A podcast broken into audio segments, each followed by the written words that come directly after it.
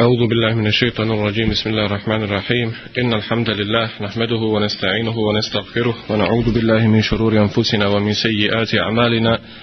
من يهده الله فلا مضل له ومن يضلل فلا هادي له وأشهد أن لا إله إلا الله وحده لا شريك له وأشهد أن محمدا عبده ورسوله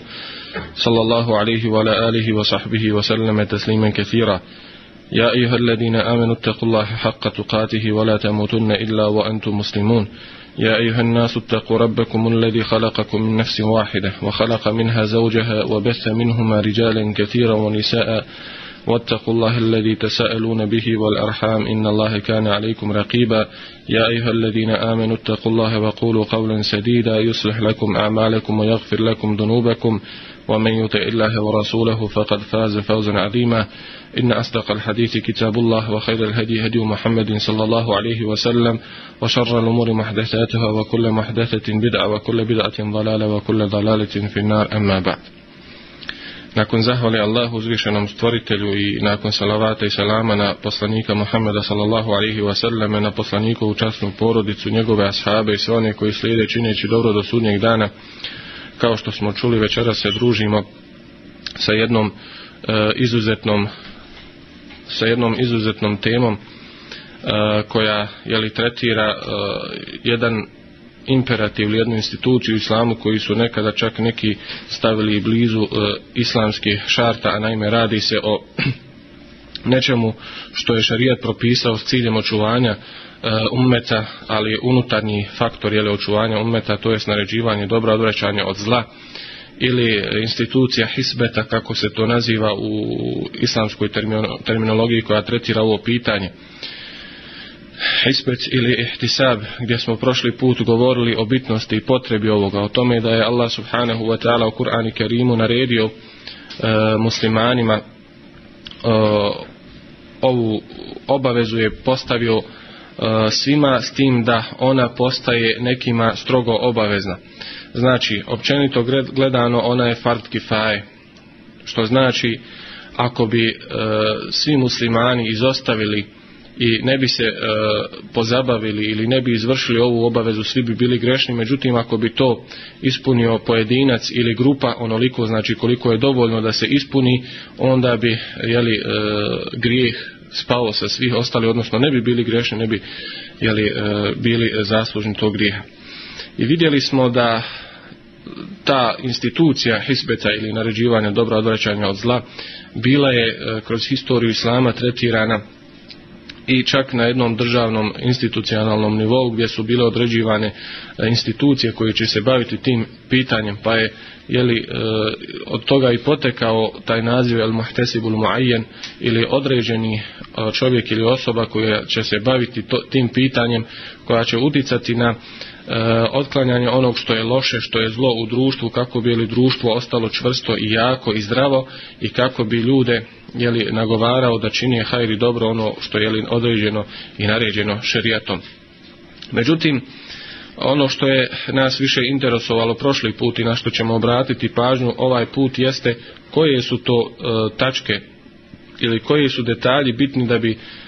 ta institucija naređivanja dobra odvraćanja od zla bila uspješna i da bi polučila rezultate ili što je još bitnije da bi se izbjegle određene greške i pogreške koje često puta dovedu do suprotno od onoga što se želi postići samom tom institucijom jer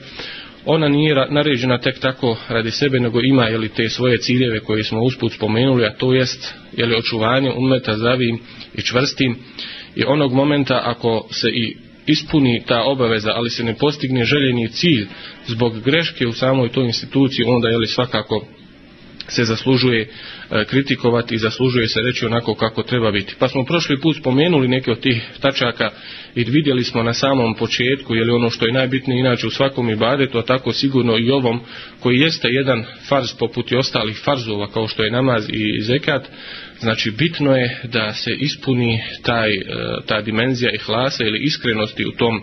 dijelu. Jer kao što smo vidjeli islamski učenjaci kada su tretirali ovo pitanje, mnogo su skretali pažnju na tu činjenicu da kada neko drugom govori kako treba da živi, kako treba da radi, čega, čega treba da se kloni, je li tada u, čo, u ljudskoj duši se pojavljuje taj osjećaj e,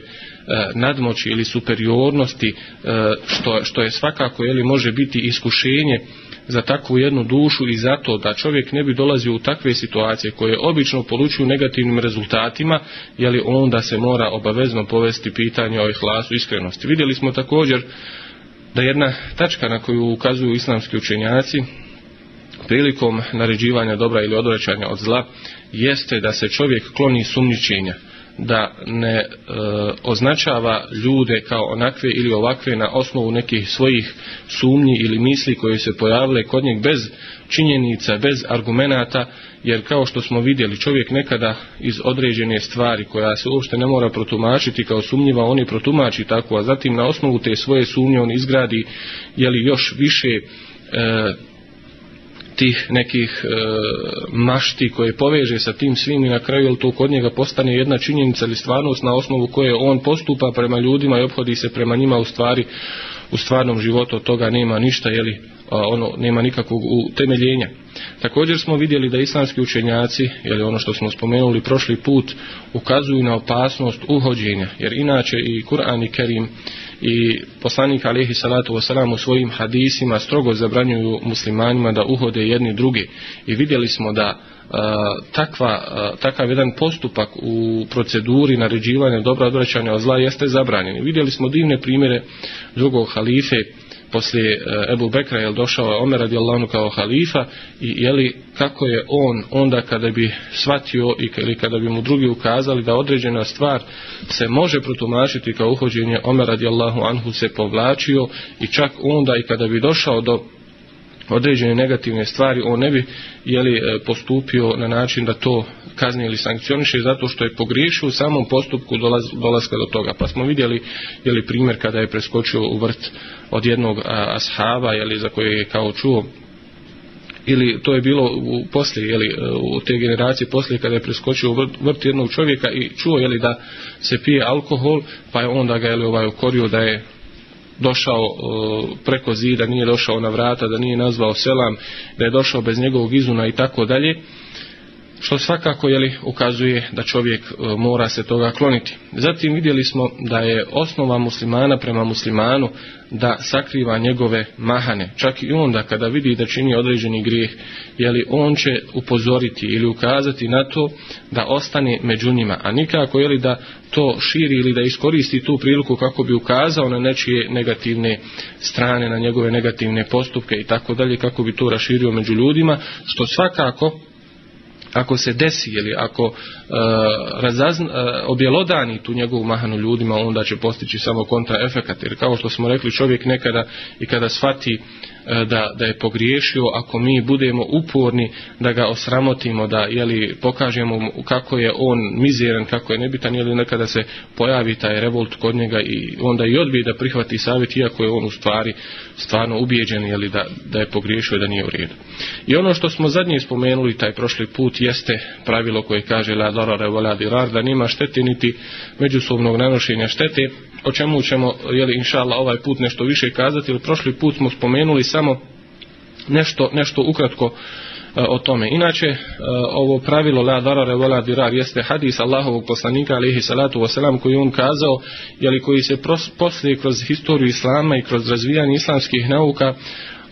utemeljio u svakoj islamskoj nauci i nećemo skoro naći jeli, e, određene e, knjige koja tretira propise, koja tretira pogotovo međusobne, međusobne ljudske odnose, a da ne spominje ovo pravilo. Jeli, kada poslanik alihi salatu wasalam kaže la darar, darar jeste šteta ili nanošenje štete, islamski učenjaci kada govore o ovom prvom dijelu hadisa gdje se spominje darar, kažu da je to općenito nanošenje štete, odnosno e, bez nekog posebnog povoda da čovjek učini štetu nekome drugom. A la dirar jeste uzvraćanje na nečiju štetu štetom, e, odnosno bez povoda, nego kada neko drugi postupi onako E, kako će naštetiti nama ili nekome drugom, pa onda taj uzvrati istom mjerom, znači ne uzvraćajući, ne uzastavljajući se na onome što je dozvoljeno, nego prelazi granicu i on njemu učini štetu. I jedan i drugi oblik jeste, jeste zabranjen. A zbog čega se e, ovo mora uzeti obzir kada se radi o, o pitanju naređivanja dobra i odrećanja zla, Zato što je islam sam po sebi vjera pravde, vjera zagarantovanih ljudskih prava i stoga svaka nepravda koja se po, pojavi najstrožnije se zabranjava u, zabranjava u šarijetu. I nepravda je li kada je u pitanju hispet ili kada je na, u, se radi o naređivanju dobra odvraćanja od zla i tako dalje, može imati više oblika i, i svakako da svaki od tih, ta, svaki taj oblik zaslužuje određenu kritiku i mora se na njega ukazati. Kao što je primjer radi, ako će čovjek naređivanjem dobro odraćanje od zla ukloniti jedno zlo, ali će time biti naneštena, nanešena šteta o nekoj drugoj osobi ili samoj toj osobi, znači uklonit će to zlo, ali će se pojaviti jedno drugo. Zatim, ako će se prekršiti šarijatsko e, pravilo ili šarijatski propis, što je također šteta, e, i svakako se li na to na to mora ukazati. Iako je osnova i temelj da svako zlo i svako sve što je loše e, da se mora ukloniti. Međutim, to zlo i ta šteta se ne smije e, uklanjati na taj način jeli, gdje će neko drugi e, biti oštećen, gdje će nekom drugom biti uskraćena prava i tako dalje. I to kada poslanik alihi salatu wasalam ili kada nalazimo Kur'an i Kerimu da se zabranjuje da se drugom čini šteta ne znači da je li e, osoba u datom momentu e, po pitanju same nije je li kada se radi određen na, određenom tom postupku ukazivanja na dobro odvraćanje na zlo, ako će se ta šteta vratiti na nju, a ne na neku drugu osobu, to ne znači da je to nešto manje zato što se to direktno ne spominje u hadisu, iako ima određene hadisa koji to tretiraju. Naprotiv, znači, kao što je zabranjeno osobi da se pojavi e, ta šteta nekoj drugoj, trećoj osobi također mora voditi brigu i o sebi. Mada, kada je po pitanju njega lično, e, nešto je propis jeli, blaži. Što znači da on u određenom momentu, ako misli da će e, njegov postupak njemu prouzrokovati određenu neugodnost i tako dalje, on se može strpiti, on to može podnijeti, ali samo po pitanju sebe. Međutim, kada se radi o nekome drugom, onda jeli, e, mora stati i mora znati da tuđa prava on nije taj koji može određivati da li će neko ustupiti svoje pravo ili neće ustupiti pravo. Jer nekada čovjek dođe E, u određenu situaciju gdje on reaguje i misli da je uradio dobar posao, super, sve ispalo, međutim, to će se odraziti na nekog drugog. Možda će taj kriminalac kojeg je on spriječio osvetiti se nekom drugom koji je ni kriv, jeli, e, ni dužan zbog toga što je on učinio. Znači, to se mora svakako e, svakako imati u vidu. Pogotovo, pogotovo ta šteta na nju se posebno stavlja akcenat ako će se vratiti na čovjekovu rodbinu, pogotovo njegove roditelje, njegovu porodicu i tako dalje, onda još više mora obratiti pažnju. I ovdje je bitno e, zato što islamski učenjaci to spominju, kaže zašto, zašto kažu porodicu i rodbinu, a onda jeli, posle toga se ne spominje ništa drugo. Zato što njegova porodica, roditelji i supruga, djeca, jesu oni koji bi mu možda najprije mogli oprostiti zbog određenog ezijeta koji su pretrpjeli njega radi. Međutim, ako se to zabranjuje radi njih koji bi mu mogli oprostiti najprije da oproste, onda je li po pitanju drugih, po pitanju drugih još više, je li čovjek mora paziti još više, mora imati te određene filtere gdje će on gledati šta, šta i kako da uradi. Nastavljajući dalje govoriti o ovoj temi, dolazimo do sljedeće tačke koja je veoma bitna i koju ćemo naći ili spomenuti u e, islamskoj literaturi i kroz historiju islama i islamske države koje su sve postojale jer ovo je bilo veoma bitno zato što je ono, ono bilo jeli, faktor očuvanja e, te čvrstine ummeta i prihvatanja da nisu sve jednaki i da postoji neko koje različito, ko različito eh, misli, razmišlja i tako dalje. Pogotovo danas u ovom vremenu kada imamo jeli, sva ova sredstva informiranja od radija, televizije, od interneta, od toga da se može pratiti ono što se dešava na internetu i preko mobilnog telefona i tako dalje. Kada se jeli muslimani svugdje u svijetu poznavaju sa drugim muslimanima, sa njihovim običajima, kulturama, načinima e, praktikovanja e, islama, upražnjavanja islama i tako dalje, naravno da se jeli postavlja kod čovjeka pitanje otkud je li sve to i tako dalje. Inače, jer to je jeli, tema sama za sebe. Ali ono što je bitno i što su napomenuli islamski učenjaci jeste da je islam respektovao različitost poimanja i razumijevanja, uvažavao različite nivoa ljudskog razuma jer u sferi svatanja i zato jeste šarijac u tome bio elastičan, tako da je svako jeli, mogao naći, svaki zdrav razum mogao je naći sebe u ciljevima šarijeta. I tako je ta islamska zemlja, ali kroz istoriju dugo vijekova, živjela njedrijeći sve te različite stavove, bila tolerantna, širokogrudna prema svakom uđtehidu, odnosno islamskom alimu i čenjaku koji je na osnovu kuranskih i hadijskih tekstova dolazio do određenih zaključaka koji su vodili ka propisima, jeli koje su opet praktično koristili muslimani u svom svakodnevnom vjerničkom životu. I znači sve to bilo tolerisano, naravno u onom jeli, e, okviru sve dok to ne bude odskakalo od kade kategoričkih tekstova bilo iz Kur'ana i Sunneta ili od konsenzusa islamskih učenjaka i tako dalje naravno tada jeli, e, su reagovali ali što se tiče ostalog jeli, ono ostaje i zato je čuditi se jeli, kada neko pokušava izmijeniti nešto oko čega, je, oko čega je razum dao svoj stav ili čtihad dao svoj stav i naravno gdje postoji više mišljenja svako utemeljeno na određenim kuranskim dokazima i tako dalje prihvaćeno od jeli, islamskog ummeta i, i tako dalje i onda jeli, reagovati na takvo nešto naravno islamski učenjaci u okviru naređivanja dobro odraćanja od zla nisu svrstali jeli, kao nešto što treba što je pozitivno i tako dalje a često puta jeli, nekada čovjek pročita određenu knjigu i stekne percepciju o određenoj stvari da je takva da je treba jeli, e, upozoriti na nju i tako dalje. Međutim, ako pogledamo dalje, ako pogledamo to more islamske literature koje je napisano, vidit ćemo jeli, da da, da je uvijek bilo tih različitih mišljenja, različitih stavova i neko koje je jeli, bliže mu bilo ovo, neko kome je bliže bilo ono. Tako i za vrijeme čak samog Allahovog poslanika Muhammeda sallallahu alihi wasallame poznati primjer koji je svima nama dobro znan. Jeli, kada je poslanik poslao ashabe do Benu Kurejda i rekao da niko ne smije klanjati kindiju dok ne dođe do Benu Kurejda. Međutim, dio ashaba je klanjao u putu, a neki su klanjali kada su došli u Benu Kurejda. I naravno, ovi koji su klanjali u putu, oni su shvatili da je poslanik alihi salatu osram time htio kazati im samo da požure, jeli, da se ne zaustavljaju bespotrebno i tako dalje, ali ostaje ono pravilo jeli, generalno da ne smije se ispustiti namaz mimo njegovog vakta. Međutim, ovi drugi su to shvatili e, doslovno da zaista ne smiju dok tamo ne klanju do, dok tamo ne dođu da ne smiju klanjati kindu i tako su postupili kada su se vratili Allahom poslaniku alejhi salatu vesselam prvo oni se međusobno jeli nisu sporili nisu se posvađali jer oni su imali jeli tako svatanje mogli su svatiti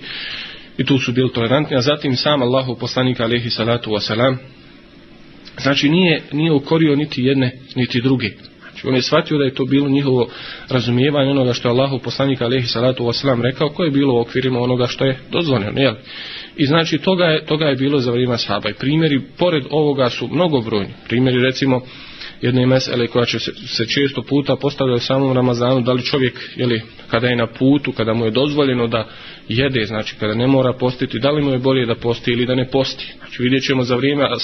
Allahovog poslanika da su ashabi na takvim putovanjima, kaže neki bi postili, neki ne bi postili. I kaže se u toj predaju od Enesa, niti onaj što je postio nije pregovarao onome što ne posti i obratno. Znači to, to je bilo. Također, znači to je bitno imati na umu i ovdje. I znači, zato kažu islamski učenjaci da je uvjet uklanjanja uh, lošeg, ono što, što neko smatra, ili, uh, e, ili što zaista jeste tako loše, znači da ono bude utvrđeno kao loše bez iđtihada, znači bez ljudskog mišljenja, da bez uh, uh, islamskog e, stava koji su islamski učenjaci donijeli na osnovu jeli svoga ištihada ili svatanja određenih kuranskih tekstova, nego znači ono što je jasno poznato kao zabranjeno kod svih gdje su oni uglavnom složili gdje ima ta, ta većina islamskih učenjaka i tako dalje. A što se tiče ostalih stvari, jeli onda onda one ostavi. To ćemo naći između ostalog, ili e, vidimo sada i Heolumu Dinu od Gazalije također da to spominje isto Maverdi, rahmetullahi alihi, kada spominje recimo stav šafije i nekih učenjaka iz tog meseba kaže da kod njih imaju jeli, e, dva viđenja po pitanju da li će se jeli, opominjati oko stvari gdje se islamski učenja, učenjaci različili neće. Pa recimo jedan, jedno mišljenje jeste da će se opominjati ali u slučaju da je taj koji opominje muđtehid, znači sam on je dostigao takav stepen u islamskoj nauci da on može na osnovu kuranskih tekstova i hadijskih tekstova i ostalih pravila koje se spominju u islamu donijeti stav po određenom pitanju. Znači on u tom slučaju može druge jeli, pozivati na ono što on vidi da je ispravno. Međutim, u drugom slučaju, ako osoba nije muđtehid, onda jeli, ne, ostaje, ne, ostaje, ne ostaje to. Znači, to, to ćemo vidjeti da me veli spominje. Slično nešto tome ćemo naći i od uh, drugih islamskih učenjaka kao što je Bujala, kao što je Iza ibn Abduselam i tako dalje. Recimo iz Abduselam kaže između ostalog, ako vidimo da čovjek čini određeno djelo i sam taj, sama ta osoba koja čini to djelo smatra to zabranjeno, u tom slučaju ćemo ga opomenuti. Znači, ukazat ćemo na to. Međutim, ako ta osoba koja čini to djelo znači smatra to dozvoljenim, zaista je postoji, znači u islamu koji je rekao da je dozvoljeno, on tak kaže, nema pravo, jeli, da mu prigovori. Međutim, ako osoba radi, ne, ne zna jednostavno ni da li je dozvoljeno, nije dozvoljeno, onda u tom slučaju, znači, nije opoljeno, nego je jedan, jedno upućivanje o čemu se u stvari radi i kako je li treba da postupi. Znači ovdje imamo je li ta, ta neka e, tri podjele. Kada osoba čini nešto i smatra da je to zabranjeno, kada čini nešto smatra dozvoljeno i kada čini ne zna je li ono ili ovo, znači kako se prenosi od Maverdija. Također se je li slično ili skoro isto u istom značenju prenosi od Ebu Jala, u, u njegovoj knjizi koja govori o ovome i tako dalje. Znači ovo, ovo je veoma bitno da se shvati, ali također ako recimo u stvarima oko, islam, oko koji se islamski učenjaci razišli nije dozvoljeno vjeri uh, taj hisbet ili el, emr bil maruh wa nehen il munker ali ostaje taj princip savjetovanja međusobnog razgovora, dialoga znači gdje na osnovu jednog uh, pravilnog dijaloga koji islamski jeli uh, E, postavljen sa principima koji su islamu zacitani u dijalogu, onda čovjek razgovara o tim, o tim stvarima. Sljedeća stvar koju spominju islamski učenjaci po pitanju ovoga jeste blagost. Blagost za koju poslanik alejhi salatu ve selam kaže men yuhrimu rifqa yuhrimu al-khayr kullah ona ko, ko bude uskraćen blagosti uskraćen je svakog dobra uskraćen svakog dobra i znači to je jedno od najbitnijih obilježja svakog nas koji ima ovu dužnost ili kao što smo rekli onoliko koliko je u njegovom domenu ako ništa u njegovoj porodici i tako dalje znači e, princip blagosti jer to je ono što islamska ulema označava kao jedno od bitnih obilježa i prošli put smo spomenuli između ostalog i izjavu še u samim temije i kaže da onaj koji to čini mora biti okričen znanjem, blagošću i strpljenjem znači znanje, blagost i strpljenje jer zašto? osoba jeli, uglavnom je zadovoljna sobom, svojim postupcima. I nije plaho rada da joj se jeli, govori kako je pogriješila, kako treba da bude, kako ne zna i tako dalje. I savjet je gorak u, u, u, jeli, u grlu onoga ko, ko se savjetuje. Jer kao što smo rekli, to on u izvjesnoj mjeri smatra sebi kao ocjenom da je neznalica, da ne zna šta, šta je radi nego treba drugačije i zato tu gorčinu koja se već pojavljuje kada on shvati da je pogriješio ne treba još pojačavati, po, po, povećavati ili grubim nastupom i pristupom jer kao što rekao smo to naređivanje dobra i odrećeno zla nije samo po sebi cilj nego je cilj da se ostvari jeli, taj boljitak da se čovjek popravi da, da, da ide nabolje i tako dalje i onda ako će naravno izostati taj cilj zbog grubosti, onda u tom slučaju se odbacuje ta grubost. Znači mora, mora se e, voditi o tome, tome pitanje. Zato poslanik Alehi Salatu Vesalam jer je postavljen kao najbolji uzor u tome. Mi vidimo da Kur'an i Kerim ga upravo kao takvog i, i opisuje, obilježava. Kaže subhanahu wa ta'ala febima rahmeti min Allahi linte lahum. I Allahovo milosti kaže ti si bio blag prema njima. Walau kunte faddan galidal kalbi lam faddu min havlik. A da si bio grub i osor, oni bi se svi razbježali oko tebe. Znači jasno se kaže šta je razlog pa bi jeli se razbježala sabe oko Allahu poslanika. Grubost i osorost u jednom pristupu. I zato Allahu poslanika alihi salatu wasalam tim uh, Eh, Allahovim rahmetom i milošću upravo bio najbolji primjer tome što ćemo vidjeti iz mnogobrojnih hadisa koji se prenose od njega. Mi znamo je li da je poslanik Alihi Salatu Osram u svojim hadisima jasno ukazivao i preporučivao da se čovjek mora okititi blagošću. إن الله رفيق يحب الرفق ويؤتي على الرفق ما لا يؤتي على العنف وما لا يؤتي على ما سواه u jednoj predaji koja prenosi ima muslim gdje kaže poslanik alihi salatu wasalam da je Allah blag i da voli blagost i da daje da čovjek postigne blagošću što neće postići grubošću ili što neće postići ničim drugim što jasno ukazuje na bitnost toga. Ili kaže u drugoj predaji inna rifqa la yakunu fi shay'in illa zanehu wa la yanzu minhu shay'in illa shane. Gdje god se nađe blagost, on uljepša tu stvar. Pored njene ljepote, je li on još je više poveća tu ljepotu kao što je po primjer, primjer nareživanja dobro odrećanja zla. Kada nekoga savjetujemo, taj savjet sam po sebi lijep još dođe blagost, još više ga uljepša. A kada nema te blagosti, kaže se dalje u predaji, onda ta stvar postane ružna. I zato kažu islamski učenjaci, onaj koji žudi za Allahom zadovoljstvom, za Allahom ljubavi, njegovoj nagradi na onom svijetu i tako dalje, u blagosti je izlaz. Jer sa njom se postiže ono što se ne može postići sa drugim, kao što kaže poslanik Alihi Salatu Osana. A opet ako želiš i na dunjaluku da ti djela pred ljudima, očima ljudi budu lijepa, da budeš prihvaćen i tako dalje, opet, opet je blagost, blagost rješenje. I zato, jeli, kaže poslanik Alihi Salatu Osana da je uskraćen svakog hajra onaj koji je uskraćen blagosti. Samom dunjaluku, ako nema blagosti, i onda nije ni ljudima drag, odbojan i tako dalje, a svakako i na ahiretu neće zaslužiti ono što se jeli, opisuje u tim hadisima kao nagrada za to. Također vidimo da poslanik alihi salatu wasalam jeli, ili kao što se čak govori u kuranskim ajetima da upravo rezultat ili produkt te blagosti, lijepog ahlaka jeste i lijepa riječ. I zato se mnogo na nju stavlja akcent. Lijepe riječi. Što svakako dolazi jeli, u, u, u ovom u ovoj sferi naređivanja dobro odvrćeno zla. Kaže Allah subhanahu wa ta'ala wa qul li ibadi yaqulu allati hi ahsan. Reci mojim robovima neka govori najljepši. Govori lijepe riječi. Inna shaytana yanzighu bainahum. Jer šejtan kaže stvara razdor među njima pogledajmo. Na prvom mjestu kaže da lijepo govori što je rezultat i blagosti, a što znači, ako bismo protumačili u kontekstu ovog drugog dijela, ajde, ako ne budu lijepo govorili, šeitan će sigurno raditi, on radi među njima i ta, ta njihov ružan govor, ako se pojavi i grubost, tako dalje, sigurno će još pomoći šeitanu tom njegovom njegovom e, nastojanu da zavede, da zavede čovjek. I mi vidimo u poslanikovi sallallahu alihi wasallam biografiji u njegovom nastupu prema onima koji su pogriješili, koji su pogrešno postupili, kako je poslanik alihi salatu wasalam reagovao. U jednoj predaji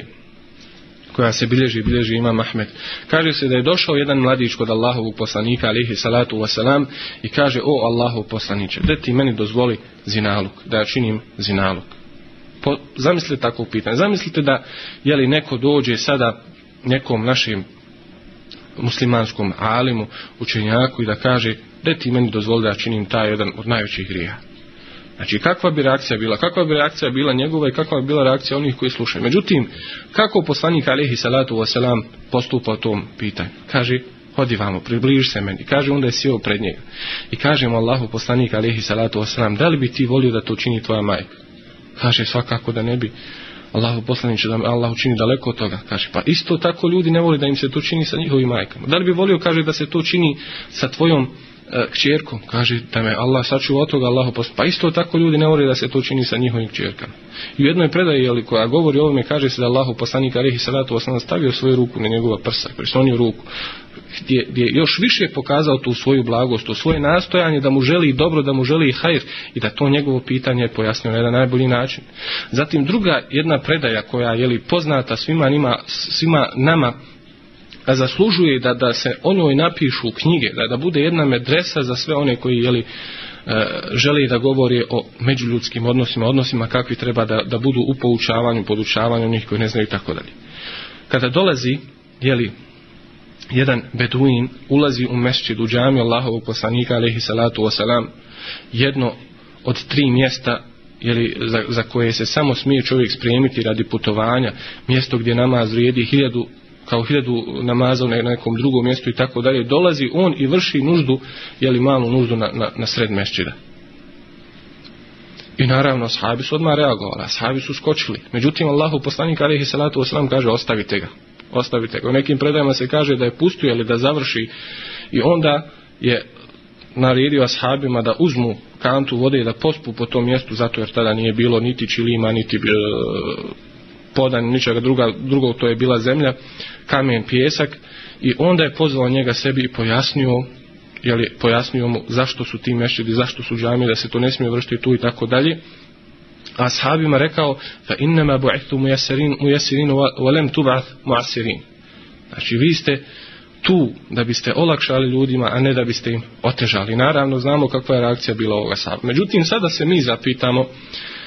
i postavimo na vagu ovo djelo koliko je ono teško da dođe čovjek i u takvo jednom svetu mjesto vrši tako jedno ružno, uh, ružno djelo. Znači, to se jednostavno jeli, ne može izvagati koliko je teško u očima ljudi i, i tako dalje. Neko bi jeli, rekao i da je to ponižavanje Allahovi sveta, svetinja čak doveo do, do toga da kaže da je kufr, nevjerstvo i tako dalje. Međutim, pogledamo je li kako je Allahu poslanik alihi salatu wa nam to postupio. Ono, I ona velika fajda je li koja se može izvući iz ovog hadisa poput svih ostalih jeste kako jedan uh, čovjek koji pozna islamske propise, koji je učen, koji je alim, mora biti sa svojim razmišljanjem, sa svojim postupcima daleko iznad onih koji to nisu. Kao što je poslanik alihi salatu wasalam, kada su ashabi svi htjeli reagovati zato što se zaista desilo nešto što je ružno, ali Allahu poslanik alihi salatu wasalam nije tako reagovao, nego je reagovao Kur'anom i sunnetom i onako kako treba jeli to, to da bude. Pa onda, jeli, kao što se tiče i dalje o tom lijepom postupku, o lijepoj riječi kada Allah subhanahu wa ta'ala jeli govori e,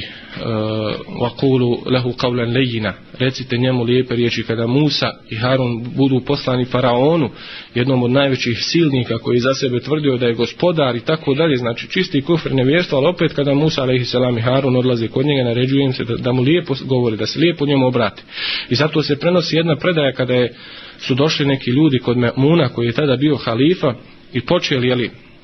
da ga kritikuju zbog njegovih postupaka, da galema na njega i kaže kaže polako, smirite se, budite blage, Allah je poslao one koji su bolji od vas, onome koji je gori od mene, pa je opet rekao faqula lehu qawlan layyinan la'allahu yatadhakkaru aw yakhsha. Recite mu blage riječi, pa možda će se on je li osvijestiti, možda će se uh, pribojati, znači za sebe. Poslao je one koji su bolji od vas, kada je Mamun rekao naravno Musa i Harun, bolji svakako od njih. Onome koji je gori od mene, gori od me muna, znači faraon za kojeg smo rekli kakav je bio i za kojeg se zna kakav je bio. I opet je naređeno eli, da se ovako obrati, da ovako ga, govori. I naravno da čovjek ako ne bude blag u tim svojim nastupima, pa čak nekada i kada je blag u tim svojim nastupima, desit će se da mu neko odgovori na ovakav način, da kaže de ti polako, de ti za sebe, de ti ono, de ti ovo, znači ima tog nekog negativnog odgovora, ezijeta i vjerovatno je zbog toga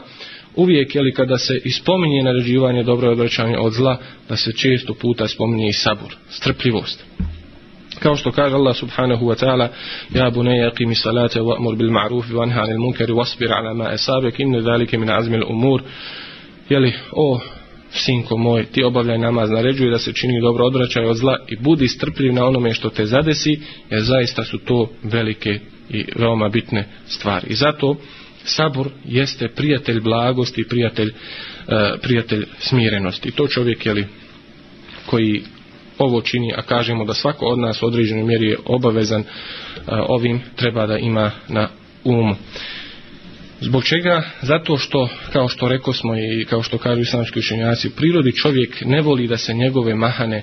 znaju pogotovo kada se radi o neznanju, da ne zna, pa pogotovo kod vjernika da ne zna o svojoj vjeri, da ne zna o islamu. I onda on to, kao što se spominje od islamskih učenjaka, pokušava više sakriti nego što sakriva svoje znači, prave fizičke aurete, stidna mjesta i tako dalje.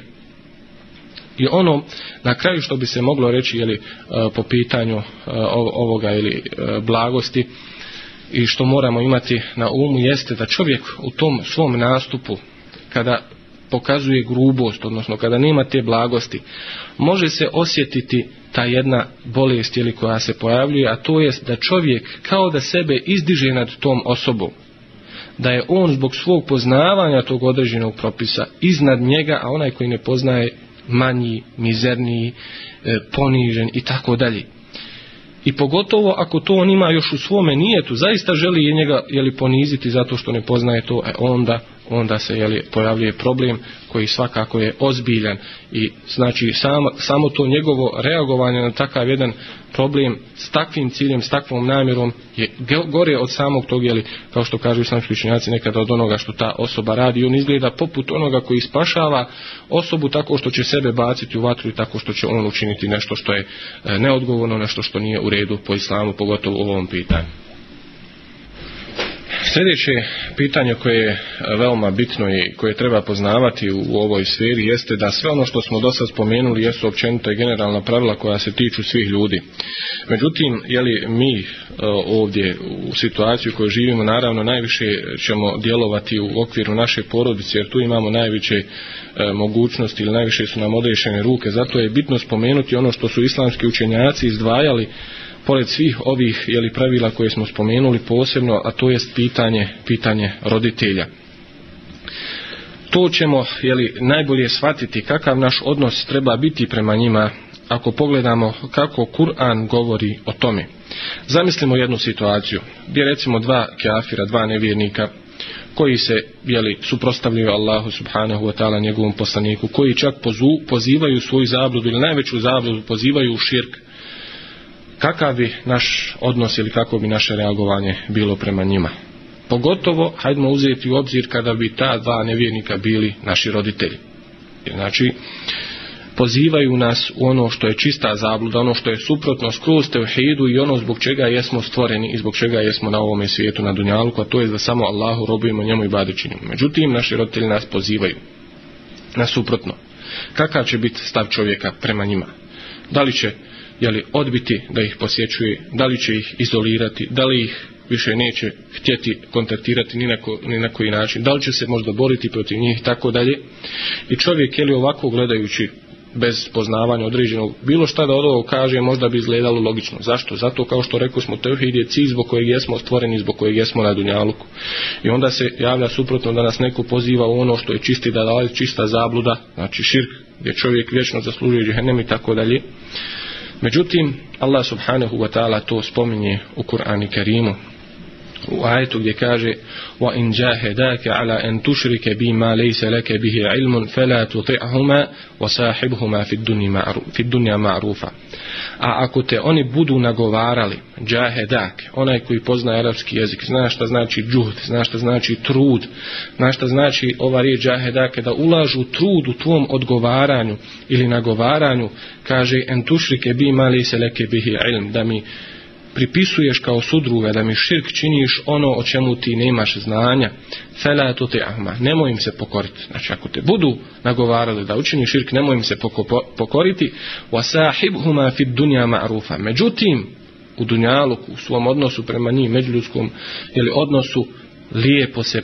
ponašaj ma'ruf znači ono što je dobro i ono i ono što je hajr I onda opet postavimo pitanje. Koji je to munker? Koje je to zlo i, i, i loše veće od širka samoga? I pozivanje u to? I trud na tom putu i tako dalje? A opet, jeli, pogledajmo ovako ovaj postupak koji Allah subhanahu wa ta'ala naređuje. I to nije uzalud. To nije džaba. Zato što je Allah subhanahu wa ta'ala naše roditelje učinio sebebom ili razlogom našeg dolaska na ovaj svijet. Allah subhanahu wa ta'ala je taj koji daje život i smrt, ali je njih učinio sebebom. I zbog toga jesu mnogi kuranski ajeti i zbog toga jesu mnogi hadijski tekstovi koji ukazuju na bitnost toga. Mi znamo da Allah subhanahu wa ta'ala po pitanju roditelja kaže felate kul lahuma ufin, nemoj im reći ni uh. Wa qada rabbuka alla ta'budu illa iyyahu wa bil walidayni ihsana. Tvoj gospodar je naredio da samo njega obožavate i da svojim roditeljima ihsan činite, dobro činite. Znači odmah poslije ibadeta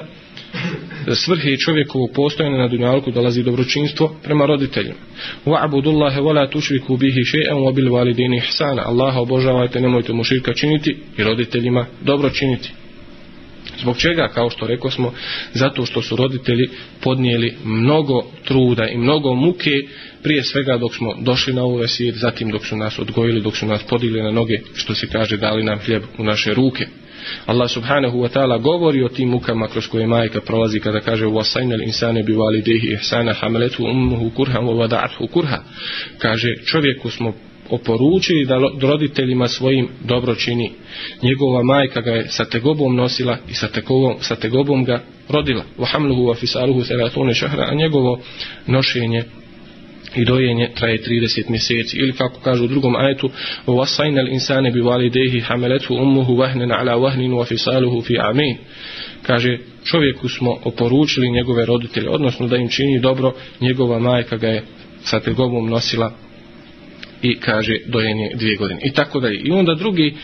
drugi kuranski ajeti gdje se pored recimo zahvaljivanja Allahu subhanahu wa ta'ala odmah spominje zahvaljivanje roditeljima niškurliju ali validej zahvaljuj meni i svojim roditeljima zatim vidimo hadisa Allahovu poslanika alaihi salatu wasalam koji govori o njihovom velikom pravu i tako dalje zatim sam šerijat jeli, kada se radi o roditeljima, pored ostalih e, propisa koji važe za sve ljude, roditelje izdvojio iz određenih propisa. Pa recimo, po pitanju kada čovjek ubije čovjeka, mi znamo da slijedi po islamskom pravu kisas ili odmazda gdje jeli, e, izvršava se ista kazna kao što je on učinio. Međutim, kada se radi po pitanju roditelja, jeli većina islamskih učenjaka smatra da ako bi roditelj ubio svoje dijete, znači da se on ne ubija zbog njega. Ako bi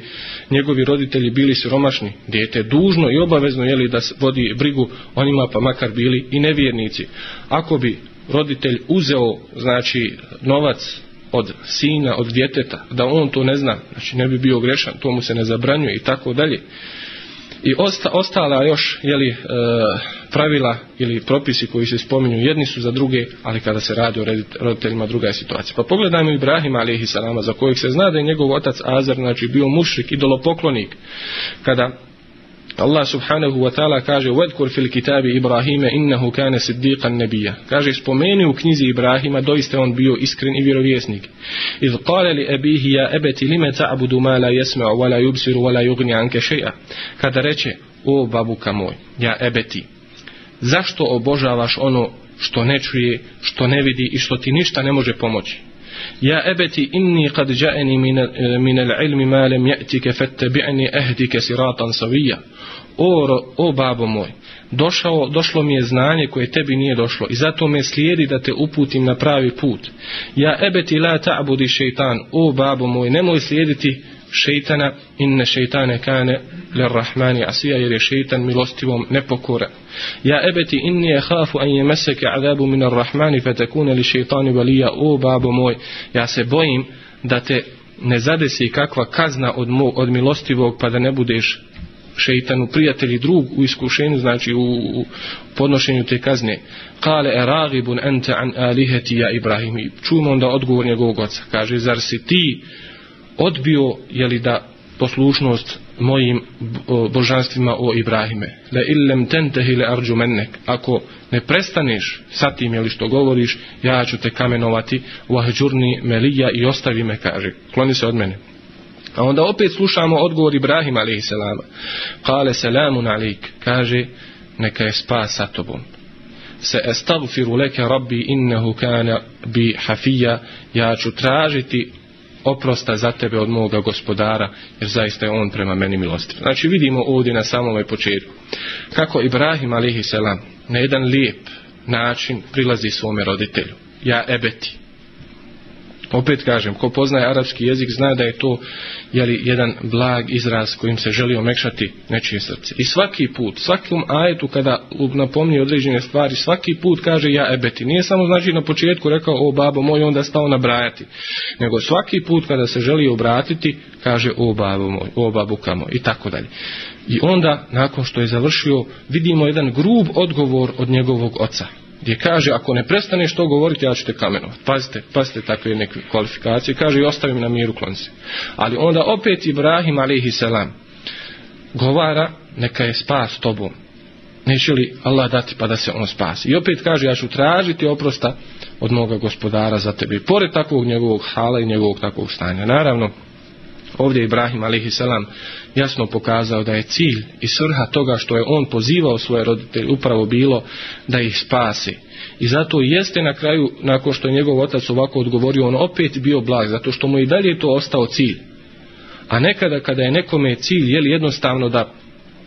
kaže to što ima i da napravi poslije toga problem ako nije onako kako on hoće i kako on želi onda je li se naljuti onda pođe svađa i onda recimo ne govori sa svojim roditeljima ja se sjećam kada nam je jedan naš profesor govorio kaže znao sam ljude koji nisu govorili s nekima zato što pije alkohol međutim kada se radilo o čovjeku koji ne, nije govorio sa svojim roditeljima, znači oni su govorili i normalno postupali sa njim. Međutim, ja nisam htio da kaže govorim sa njim. Zašto? Zato što je kaže to veći grijeh od onoga zbog čega oni nisu govorili sa njim, da ne govori sa svojim roditeljima.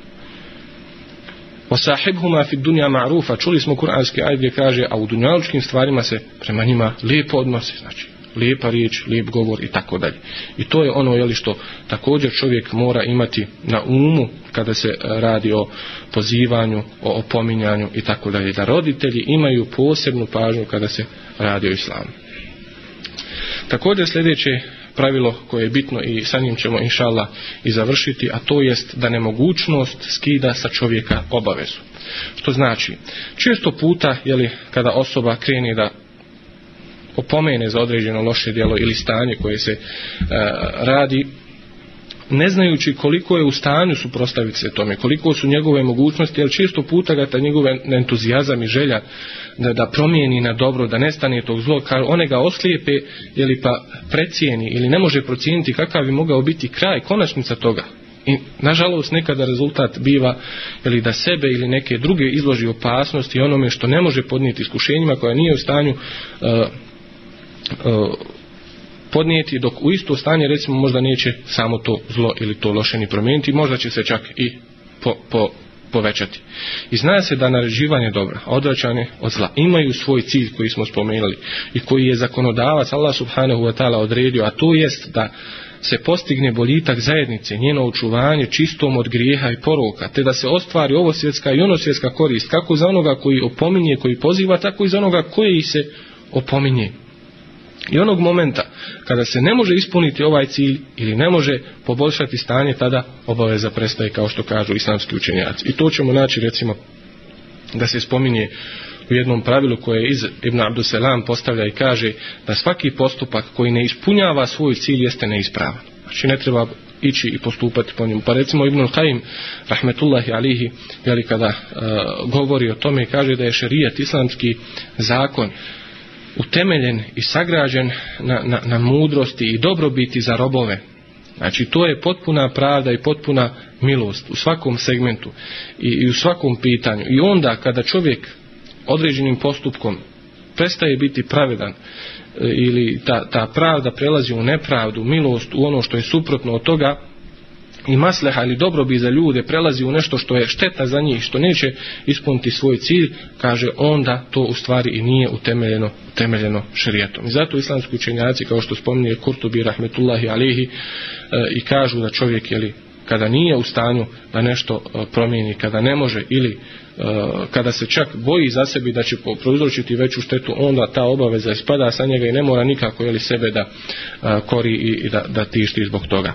I zato kažem na kraju, ja molim Allah subhanahu wa ta'ala da ono što smo rekli do sada, iako opet napominjem da ova tema nije u potpunosti istrpljena da bi se o njoj moglo još govoriti i još to šta reći, ali nadamo se da u ove jeli, dvije emisije ili ova dva druženja koliko smo bili, uspjeli smo približiti ovo nama zato što kao što rekao smo, jeli, svi smo mi u nekoj mjeri dužni opominjati koliko možemo, koliko smo u stanju, ako ništa u našoj porodici, u našem komšiluku, u našem mjestu gdje živimo i tako dalje, one ljude koji zaista želi da nauče vjeru i tako e,